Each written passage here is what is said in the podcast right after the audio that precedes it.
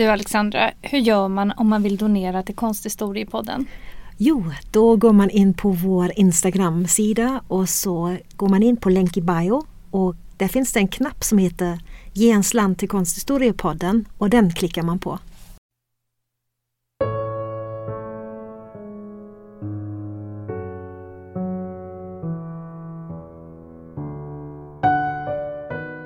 Hej och välkomna till Konsthistoriepodden. Jag heter Alexandra Frid. Och jag heter Alexandra Härlitz. Och idag ska vi prata om en renässansmålning som nog är ett av de mest kända konstverken i världen. Verket finns på Louvren under titeln Porträtt av Lisa Gherardini, Francesco del Giocondos maka, känd som Mona Lisa La Joconde på franska. Det är alltså ingen mindre än Leonardo da Vincis världsberömda målning som kallas för Mona Lisa som vi ska fokusera på i detta poddavsnitt. Trots att Leonardos Mona Lisa är nog den mest berömda målningen i världen finns det få saker som man verkligen vet om målningen. I alla fall få saker som man vet med säkerhet. Verket har intresserat så många forskare, ändå finns det skilda åsikter om vems porträtt vi har framför oss.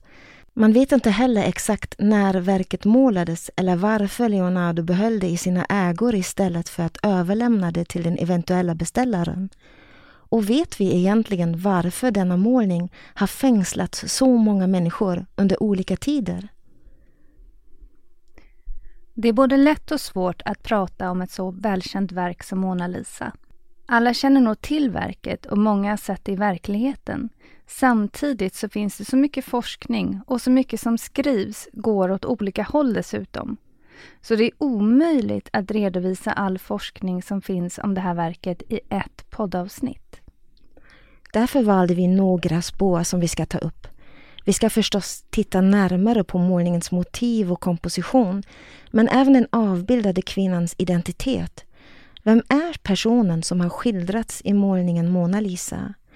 Målningen är välbevarad för att vara 500 år gammal så vi ska berätta lite om vad man vet om målningens tillhåll under alla dessa århundraden. Viktiga spår som vi ska följa upp är hur det överhuvudtaget kunde vara möjligt att denna lilla renässansmålning kunde bli den mest berömda bilden i världen. När och hur skedde detta? Målningen målades från cirka 1503 till 1519 med oljefärg på en tunn panå av poppelträ. Den mäter 73 cm gånger 55 cm och befinner sig idag på Louvren i Paris. En del av verkets mytomspunna rykte baserar sig på det faktum att man tror verket hade en särskild betydelse för konstnären Leonardo da Vinci själv. Leonardo blev 1507 utsedd till hovkonstnär vid Ludvig XIIs hov och när kungens efterföljare, kungen Frans den första, tog honom 1514 under sina vingar flyttade han till herrgården Clos Lucé i Amboise som låg bara 500 meter från det kungliga slottet. När Leonardo flyttade till Frankrike tog han med sig målningen av Mona Lisa och behöll verket i sina ägor fram till sin död 1519, när han gick bort 67 år gammal. Målningen hamnade då i den kungliga samlingen. Frans den förste hade målningen av Mona Lisa först på slottet i Amboise innan den flyttades till hans favoritslott i Fontainebleau som ligger ungefär en timme söder om Paris där målningen befann sig på 1530-talet. 1550 nämns målningen för första gången i den konsthistoriska litteraturen, nämligen i den första biografin om Leonardos liv och verk som Giorgio Vasari publicerade 31 år efter Leonardos död. Vasaris verk, berömda renässanskonstnärers liv, nämns ju ofta som ett tidigt konsthistoriskt litterärt verk, samtidigt som den inte håller det vetenskapliga måttet som man förväntar sig av konsthistoriska biografier. Vasari var väldigt kreativ i sitt sätt att skriva om de 24 renässanskonstnärerna. När han inte visste så mycket om dem kunde han bara hitta på roliga anekdoter om deras liv som delvis kan vara baserade på Vasari såg i deras verk. Vasaris text ses nu för tiden mer som en samling pseudobiografisk prosa än en tillförlitlig källa, där han på ett övertygande sätt har sammanfört olika historier med konstnärernas liv. Fram till 1900-talet användes Vasaris biografier som autentiskt källmaterial innan man förstod att det fanns mycket som han hade hittat på i denna publikation. Hur som helst nämndes Leonardos målning Mona Lisa i den första upplagan av Vasaris biografier från 1550. Han gav en lång beskrivning av ett kvinnoporträtt som Leonardo ska ha målat efter han återvände från Milano till Florens. Det långa stycket, som har gett upphov till både målningens datering och titel, börjar med följande mening. Leonardo åtog sig att utföra åt Francesco del Giocondo porträttet av Mona Lisa, hans fru, och efter att han hade målat på verket i fyra år lämnade han det oavslutat och arbetet är idag i kung Frans av Frankrikes ägo i Fontainebleau. Det sägs att målningen omnämndes på 1600-talet i samband med the Duke of Buckinghams förhandlingar angående den engelska kungen Charles den förstas äktenskap med den franska kungen Ludvig den XIIIs syster Henrietta Maria. Den franska kungen var vid detta tillfälle villig att sälja målningen men vid hovet var man mycket motvillig och avrådde kungen att överlämna målningen till England då man ansåg att det var den bästa målningen som fanns i den kungliga samlingen. Målningen kan alltså redan då ha varit högt ansedd. Från Fontainebleau flyttades målningen så småningom först till Paris och sedan till Versailles där målningen införlivades i solkungen Louis XIV, det vill säga Ludvig XIVs samling. Därför blev målningen i alla fall fram till franska revolutionen. På baksidan av panon finns flera inskriptioner bland annat ett nummer, 29. Numret stämmer överens med en lista över verk som valdes och markerades den 15 juli 1797 för att bli skickade till Musée du Louvre. Den 12 augusti 1797 kom Mona Lisa till det berömda museet i Paris och visades där för första gången för publiken den 6 februari 1798. Verket har alltså varit på Louvren i 223 år med kortare avbrott dock. Under kejsaren Napoleon Bonapartes välde ska han ha tagit Mona Lisa från Louvrens samlingar år 1800 och hängt målningen i sitt sovrum på Tuilerierna, palatset vid Louvren som brann ner 1871. Men redan 1804 hängdes målningen återigen på Louvren, där den finns även idag att beskåda, från långt håll. Så långt om verkets proveniens. Nu ska vi titta mera noggrant på konstverket och dess komposition och gängse analyser och tolkningar som man kan läsa om i litteraturen. Det är blicken med de mjuka bärnstensbruna ögonen som är riktade mot betraktaren som fångar ens uppmärksamhet först. Kvinnan är avbildad sittandes på en träkarmstol med armstöd, en halvrund så kallad pozzettostol. och hennes högra hand vilar på vänsterarmen som mjukt vidrör hennes högra handled. Hennes kropp är lätt vriden, så vi ser hennes ansikte framifrån, men inte helt frontalt. Kvinnan ger ifrån sig ett svagt leende, hon drar på munnen och vänster mungipa är något mer uppdragen än den högra. Det rödbruna lockiga håret som i mittbena faller ut med ansiktet och ner på axlarna och över brösten täcks av en delikat slöja. Den delikat målade slöjan, de krysiga rödbruna lockarna, det draperade exklusiva tyget visar Leonardos färdigheter som målare. Det är inte helt lätt att se, men forskare har kommit fram till att vi egentligen bara får se få hårslingor som vågigt hänga ner vid ansiktets sidor medan resten av håret är uppsatt i en knut på baksidan av huvudet. Den porträtterade saknar både ögonbryn och ögonfransar. Det har då förklarats att det var ett modeideal under högrenässansen. Men Vasari beskrev Mona Lisa med kraftiga ögonbryn så som vi kan se kopior av henne. I en teknisk undersökning från 2007 som leddes av den franska ingenjören Pascal Cott fann Cott, utöver att han menade att det finns ett porträtt under Louvren-versionen, att det finns spår av ett målat hårstrå. Avsaknaden av ögonbryn och ögonfransar i Louvren-versionen skulle kunna förklaras att de försvunnit över tid eller att de helt enkelt tvättats bort i en illa utförd restaurering. Mona Lisas klädsel är skildrad i rätt mörka, murriga men varma färger. Den djupa urringningen på hennes klänning är prydd med broderier i guldtråd. Det är ett komplext mönster av ringar som korsar varandra, som ramas in av två vridna band. Nedanför ser vi ett mönster som består av olika broderade former, som öglor och kors. Över axlarna bär hon en så kallad guarnello som är en stor sjal av siden och som virades runt vid klänningens livstycke. Denna sjal har lagts över den vänstra axeln på ett sätt som ger den en elegant form. För att återge den tunna och luftiga textilien har Leonardo målat flera lager av transparent färg på varandra så att de underliggande skikt ska synas igenom. Vid axlarna ser man även att ärmarna inte sitter fast i klänningen utan att de är fastknutna vid axlarna. Väckfallet vid ärmarna reflekterar vägen och vattendraget som slingrar sig i bakgrunden. Kvinnan är placerad i en så kallad loggia, alltså en täckt pelargång som är öppen åt ena sidan. Bakom henne ser vi ett räcke och på målningens yttre kanter ser vi att hon är placerad mellan två kolonner vars baser vi delvis kan se.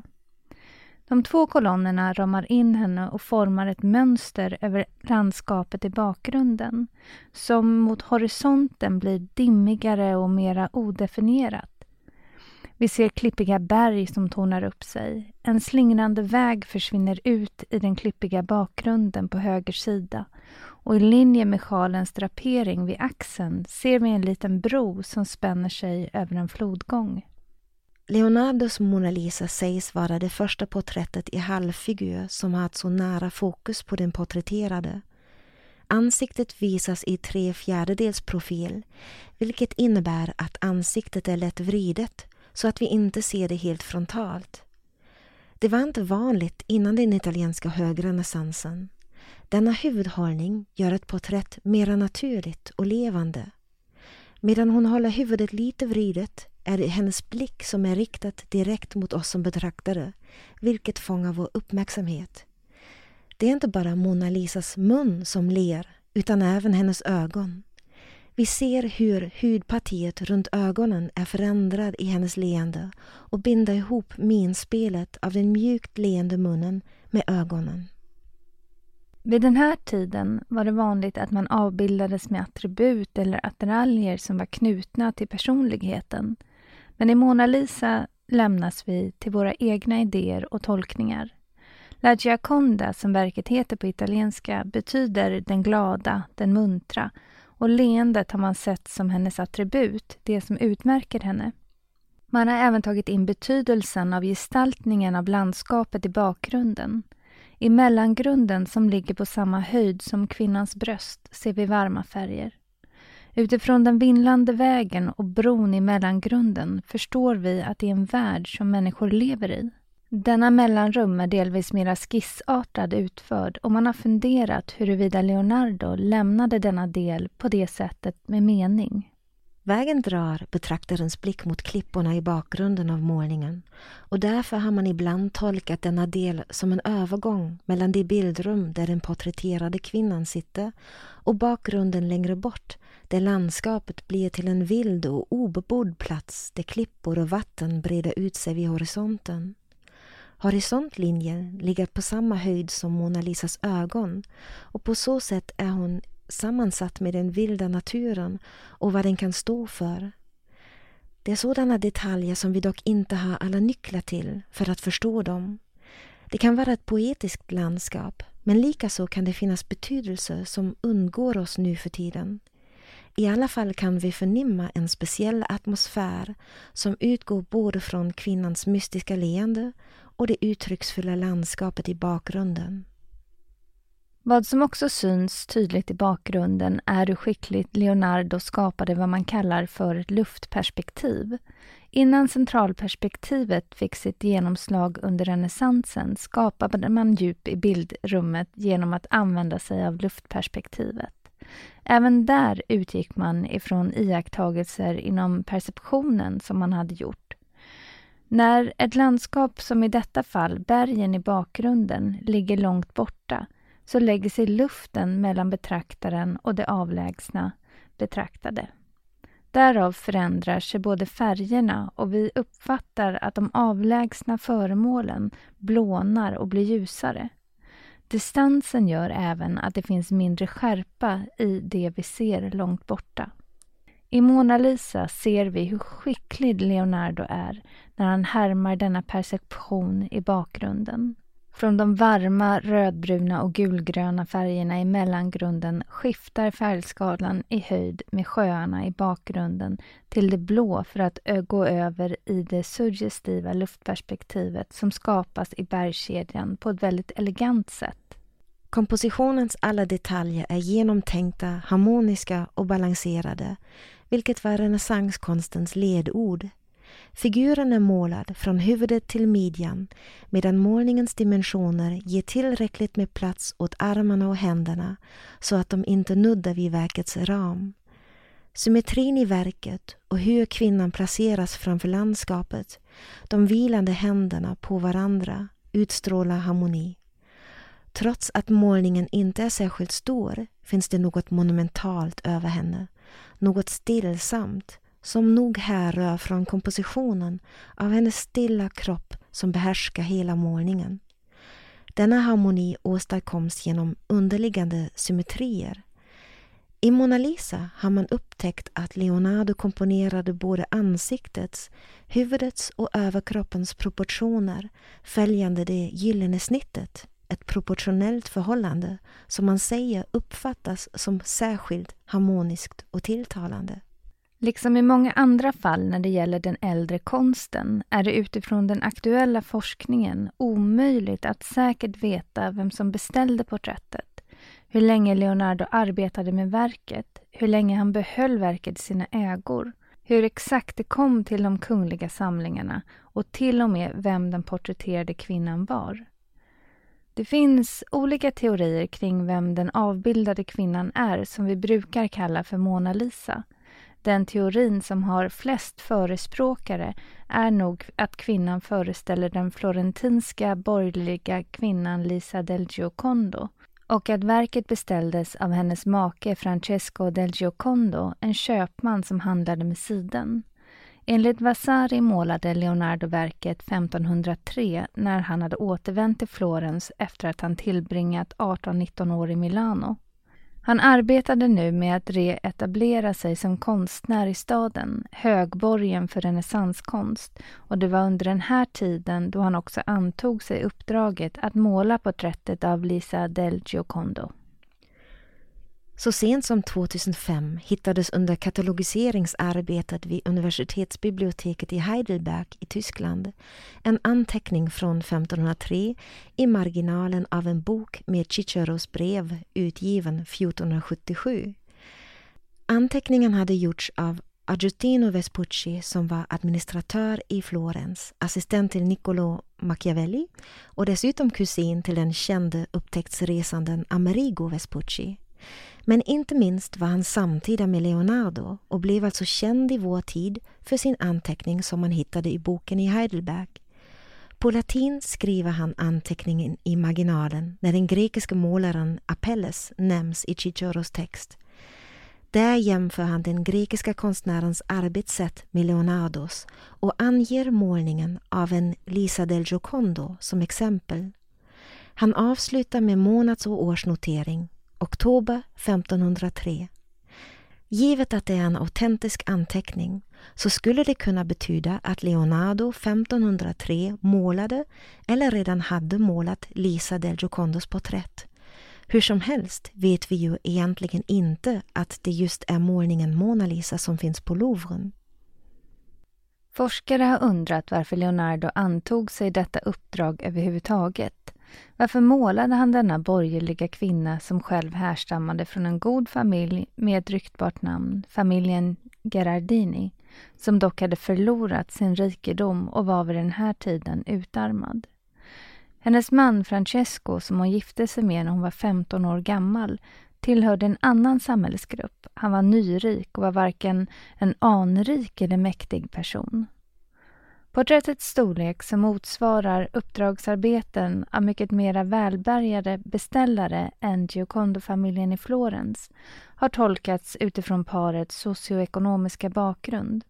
Man menar att detta något överdådiga format har valts utifrån parets ambitioner att klättra i den sociala hierarkin.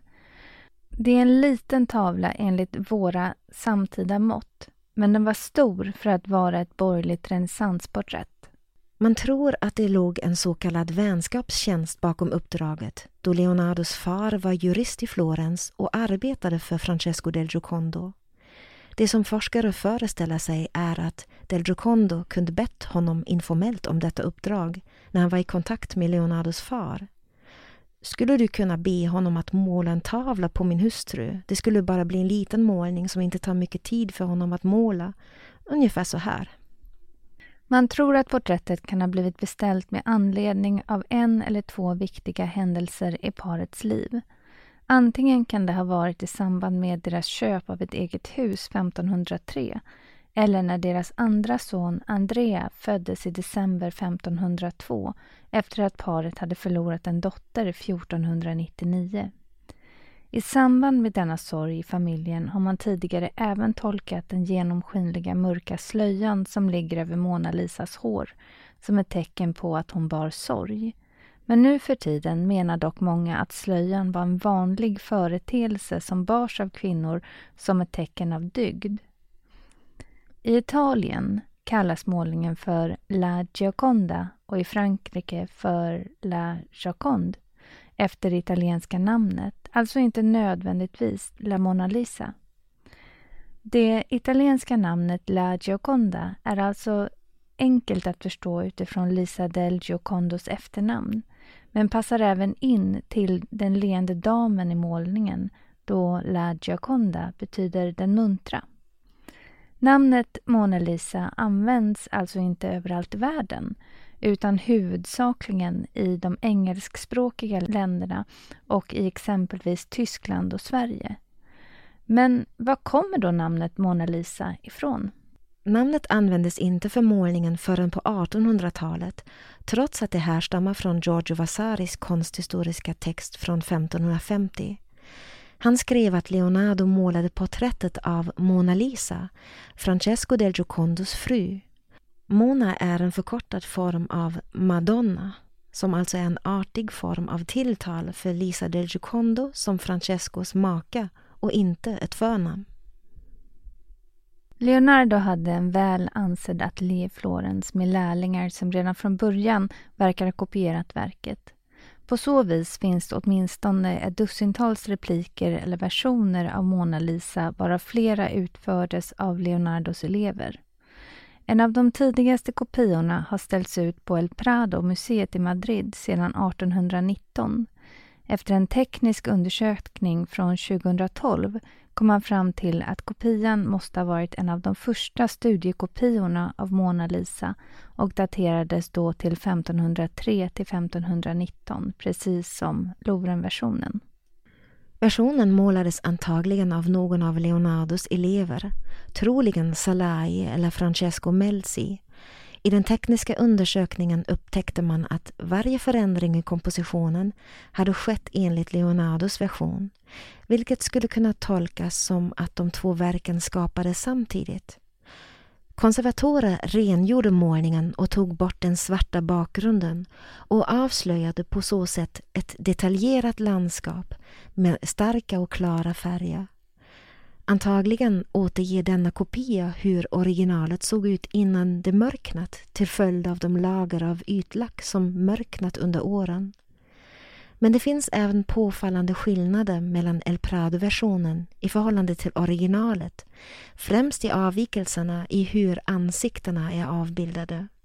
En annan känd version av Mona Lisa är Isleworth Mona Lisa som vissa har hävdat var Leonardos första version av motivet likväl som flera ledande Leonardo-forskare har helt dementerat denna hypotes. Strax innan första världskriget upptäckte britten Hugh Blaker bilden i ett residens i Somerset där det sägs att den hade hängt i mer än hundra år. Den hade köpts i Italien som ett originalmästerverk av Leonardo. Blaker såg något speciellt bortom den smutsiga ytan, köpte verket och tog med det till sin ateljé i Isleworth i västra London. Inte långt därefter publicerade hans styrfar John R. Eyre en monografi där han föreslog att Leonardo hade arbetat med två versioner av sitt porträtt av Mona Lisa och att Isleworth-bilden var den första. Myten om flera Mona Lisa-versioner av Leonardos hand var därmed född. Målningen köptes av den amerikanske samlaren Henry F. Pulitzer som i sin tur hävdade att Isleworth-versionen faktiskt var Leonardos enda riktiga porträtt av Lisa del Giocondo. Han hävdade att Louvre-versionen istället skulle vara ett annat idealiserat porträtt men denna teori fick aldrig något gensvar inom Leonardo-forskningen. Efter Pulitzers död 1979 hamnade bilden i ett schweiziskt bankvalv där den förblev fram till 2008. Liksom de tidigare ägarna av Isleworth-målningen var de nya ägarna övertygade om att den delvis är målad av Leonardo. Experter förnekar att det finns något innehåll i ägarnas påståenden och argumentet att Leonardo förvisso målade flera versioner av sina motiv räcker inte som bevis för att målningen skulle vara från Leonardos hand. Det finns de som hävdar att Leonardo målade två porträtt av Lisa del Giocondo. Ett som beställdes omkring 1503 av Lisas make Francesco och det andra ett decennium senare genom en beställning av konstnärens mecenat Giuliano de Medici. Men det finns ingen dokumentation som styrker denna tes. Om det målats två versioner av samma kvinna skulle det kunna förklara kvinnans yngre utseende i Isleworth-målningen. Även i en skiss av den kände konstnären Rafael, är, som är daterad till omkring 1505 ser vi en kvinna flankerad av två kolonner och liknar Isleworth-versionen mer än den i Louvren. Kolonnerna är synliga i Isleworth-bilden men bara deras baser visas i målningen i Louvren. Visst finns det likheter mellan Rafaels kvinnoporträtt och vår Mona Lisa, men skillnaderna är ändock mer väsentliga, vilket också blir tydligt i Rafaels oljemålning av en blond kvinna med en enhörning i en liknande pose. Kanske är det rimligt att Rafael använde Mona Lisa som utgångspunkt, efterliknade den vridna kroppen, men där slutar egentligen alla likheter. Isleworth Mona Lisa är målad på duk, vilket är mera ovanligt för Leonardo. Även om vi är mycket tveksamma till detta hävdar vissa experter att Leonardo målat kvinnans ansikte och händer i Isleworth-bilden medan någon annan målat landskapet i bakgrunden. Det som är fascinerande är ju hur en rätt liten renässansmålning på en träpanå visandes en borgerlig kvinnoporträtt kan bli ett av världens mest berömda bilder. Och när man undersöker denna berömmelse och när det egentligen hände att verket blev så otroligt känt så kommer man snart fram till att detta är något som först har hänt på senare århundraden. Ett större intresse för målningen uppstod först under det sena 1800-talet, vilket ju i och för sig inte är konstigt då verket inte hade visats offentligt under tidigare århundraden. Men under andra hälften av 1800-talet växte det fram ett förnyat intresse för den italienska renässanskonsten och därtill konstnären Leonardo. Inte minst under de sista årtiondena av 1800-talet under symbolismen och med dess fäbless för gåtfulla och mystiska framställningar hamnade Mona Lisa i fokus. Hennes sfinxaktiga leende och den gåtfulla blicken engagerade många författare och konstnärer som kände sig både attraherade och upprörda eller provocerade av målningen. Mona Lisas gestaltning passade väl in till det sena 1800-talets populära idé om den farliga kvinnan femme fatale, som då figurerade i litteraturen och konsten. I tidskrifter och dikter, till exempel av de irländska poeterna Yeats och Wilds, så skrev de om den gåtfulla Mona Lisa och hennes ambivalenta dragningskraft. Efter att verket hade uppmärksammats under 1800-talet och verket hade blivit mera känd kom den stora berömmelsen först på 1900-talet.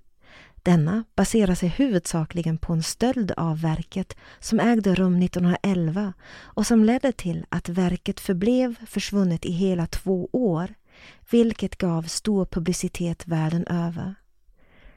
Den 21 augusti 1911 stals verket från Louvren. Bakom stölden låg den 30 år gamla italienaren Vincenzo Perugia som kom från en by i närheten av Comosjön. Han var en av tusentals arbetskraftsimmigranter från Italien och hade levt i Paris sedan 1908 där han försörjde sig jämte uppdrag som hantverkare genom små kriminella aktiviteter. Perugia hade tidigare arbetat med inglasning av målningarna på Louvren och då kommit på en plan hur han kunde föra ett konstverk obemärkt ut från museet, vilket han senare skulle förverkliga. Efter den fräcka kuppen var polisens teori att tjuven hade gömt sig i ett skåp på kvällen den 20 augusti 1911, som enligt almanackan var en söndag, och på så sätt blivit inlåst i byggnaden över natten. Men när Perugia förhördes senare förklarade han att han först på måndagen den 21 augusti runt klockan sju på morgonen gick in på museet. På måndagarna var museet stängt och underhållsarbeten i byggnaden kunde utföras. Detta kände naturligtvis Perugia till och han tog på sig en av de vita arbetsrockarna som de andra arbetarna bar och smälte på så sätt in. Ingen lade märke till honom.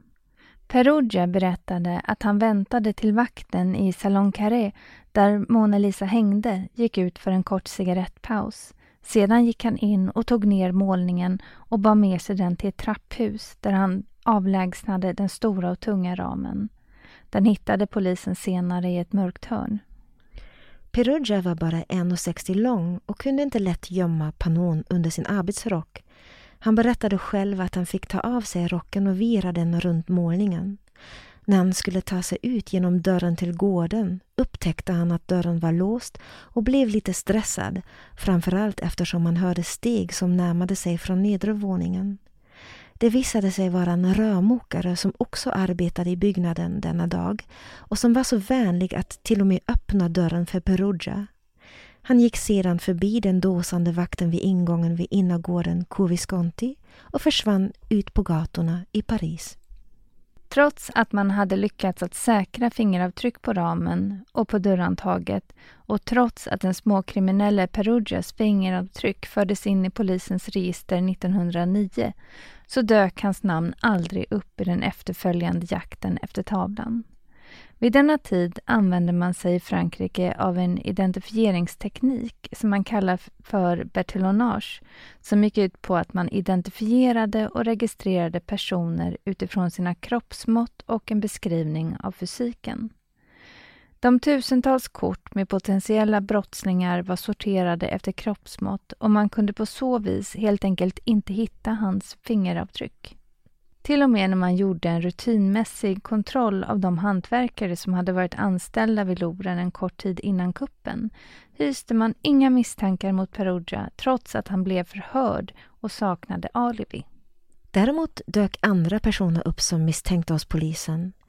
Kulturpersonligheter som författaren Guillaume Apollinaire och målaren Pablo Picasso nämndes i utredningen. Efter målningen var spårlöst försvunnen stängdes Frankrikes gränser och tidningarna spred vad som hade hänt på Louvren, vilket ledde till att målningen blev reproducerad och välkänd. Tidningen Paris Journal satte ut en belöning på 55 000 francs som skulle betalas ut om verket lämnades tillbaka innan den 1 september. Den 29 augusti 1911, åtta dagar efter att målningen hade stulits, dök en belgisk man vid namn Joseph Géry-Pierret upp på redaktionen med förhoppningen att tjäna snabba pengar. Det var inte Mona Lisa som han hade stulit utan han hävdade att han hade stulit skulpturer från Lovrens magasin och att han hade sålt två stycken till en målare som hade en fäbless för iberisk konst. En liten iberisk skulptur hade han med sig och Louvren kunde snabbt konstatera att det var ett verk ur deras samlingar. Paris Journal ville inte uppge namnet på informanten men Pierre hade i en av de publicerade bekännelserna lämnat en ledtråd som ledde polisen till poeten Apollinaire. Pierre hade tidigare haft en anställning hos poeten. Uppgifterna ledde till att Apollinaire häktades och i förhör nämnde han Picassos namn. Det visade sig att Picasso hade stöldgods från Louvren i sina ägor. Två iberiska skulpturer som var stämplade som Louvrens egendom vilket gjorde det osannolikt att Picasso inte visste om deras härkomst, vilket han hävdade. Polisen misstänkte att Picasso, Apollinaire eller någon annan i deras krets mycket väl kunde ha att göra med Mona Lisas stöld också, men det hittades inga bevis. Man kunde heller inte bevisa att Apollinaire eller Picasso var medskyldiga i stölderna av skulpturerna och i princip var de två männen lika snabbt friade från anklagelserna som de hade hamnat under misstanke. Tillkännagivandet att Pierre hade kännedom om vem som hade stulit Mona Lisa var helt falskt. Även om han inte hade någon kännedom om stölden fortsatte han att hävda att en annan tjuv snart skulle lämna tillbaka verket. Polisens utredning ledde ingen vart och stöldmysteriet kunde inte lösas. I flera veckor fylldes tidningarnas första sidor av händelserna kring stölden. Museichefen på Louvren blev avskedad av den franska regeringen. Reproduktionerna av Leonardos försvunna renässansverk översvämmade marknaden och såldes på gatorna runt omkring Louvren. Att målningen var försvunnen i två år får man inte underskatta när det gäller Mona Lisas väg till världsberömmelse. De många reproduktionerna av det stulna verket i form av vykort, men även i tidningarna, bidrog till att många jorden runt började känna igen verket. Folk köade utanför Louvren för att se den tomma platsen på väggen där Mona Lisa hade hängt. Det finns fotografier bevarade av besökare på Louvren som tittar på det tomma stället där krokarna som tidigare hade hållit Mona Lisa sitter i väggen. Stölden har således varit ett stort bidrag till den ofantliga berömmelsen som Mona Lisa nått. Under de nästan två och ett halvt år som Mona Lisa var försvunnen anade ingen att hon befann sig bara drygt en halvtimmes promenad ifrån Louvren i Vincenzo Perugias rum på Rue de l'Hôpital Saint-Louis 5. Under hösten 1913 hade antikhandlaren Alfredo Geri i Florens satt in annonser i flera stora italienska dagstidningar där han skrev att han köper konstobjekt av alla slag till bra priser. Den 29 november fick han ett svar på sin annons från Paris. Brevet som var signerat med namnet Leonardo Vincenzo hade skickats från ett postkontor på Place de la République i Paris. Under sitt falska namn erbjöd Perugia att återföra Mona Lisa till Italien till ett pris av 500 000 lire, vilket idag skulle motsvara ungefär 15 miljoner kronor. Jerry, som anade oråd, låtsades sig vara intresserad och tog kontakt med Uffiziernas museichef Giovanni Poggi. Den 12 december 1913 anlände Perugia med tåget till Florens. I ett hotell på Via Panzani, som nu för tiden förstås har bytt namn till Hotella Gioconda, mötte han upp med Alfredo Geri och Giovanni Poggi och öppnade där den stora träkofferten. Där, under gamla skor, underkläder och annat bråte, gömde sig en falsk botten därunder Mona Lisa låg.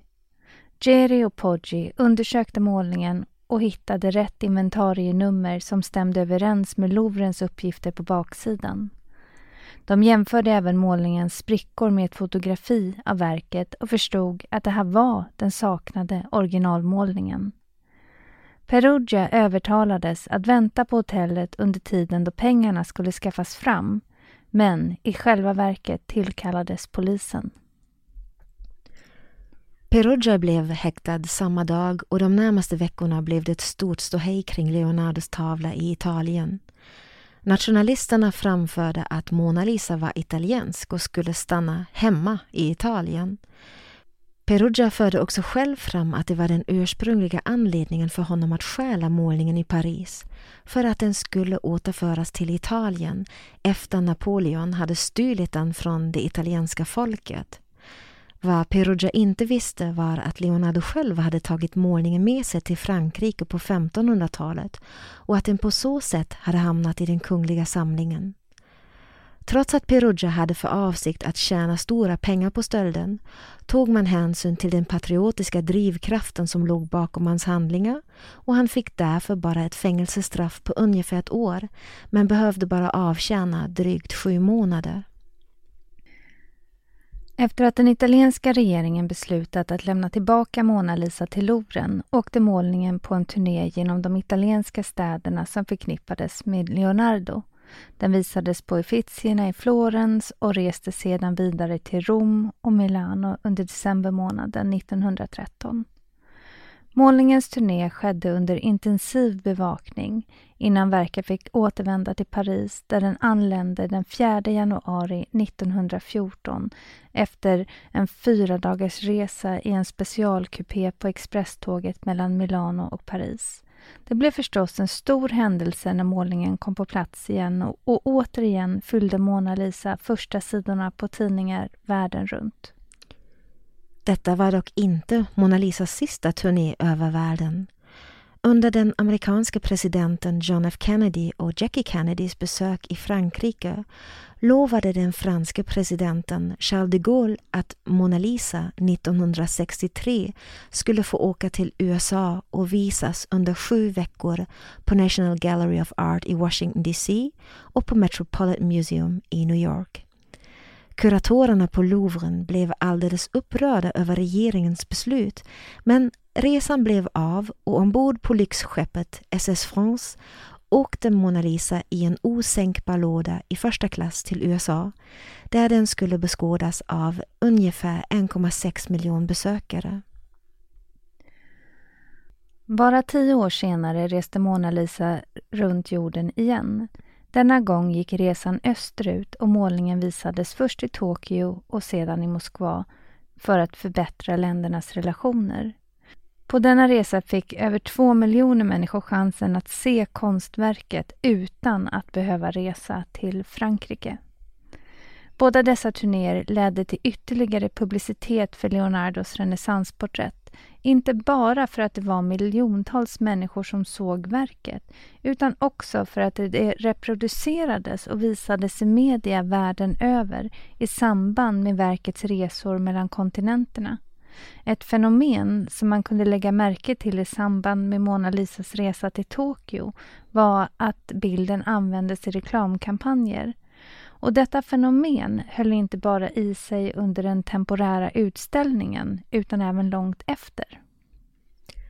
Varje gång Mona Lisa fick stor publicitet i media ledde det till nya konstverk som ibland även uppnådde stor uppmärksamhet i sin tur. Den franske konstnären Marcel Duchamp skapade sitt ready-made konstverk La Choucu år 1919 efter verkets enorma publicitet genom stölden.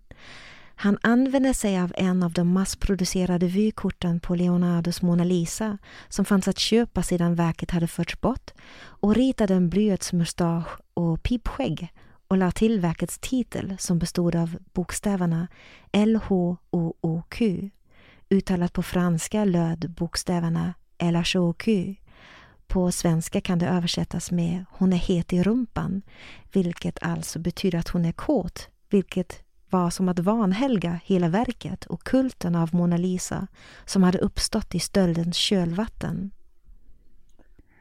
I samband med utställningsresan till New York och Washington fångade målningen popkonstnären Andy Warhols intresse som genast satte igång och producerade en serie av sju olika silkscreen-tryck med Mona Lisa som motiv. Genom de något slarviga och smutsiga tryck och fler reproduktioner på en och samma duk blev verket nedtaget från sin piedestal och inkorporerad i en vardaglig bildkultur av massproduktion.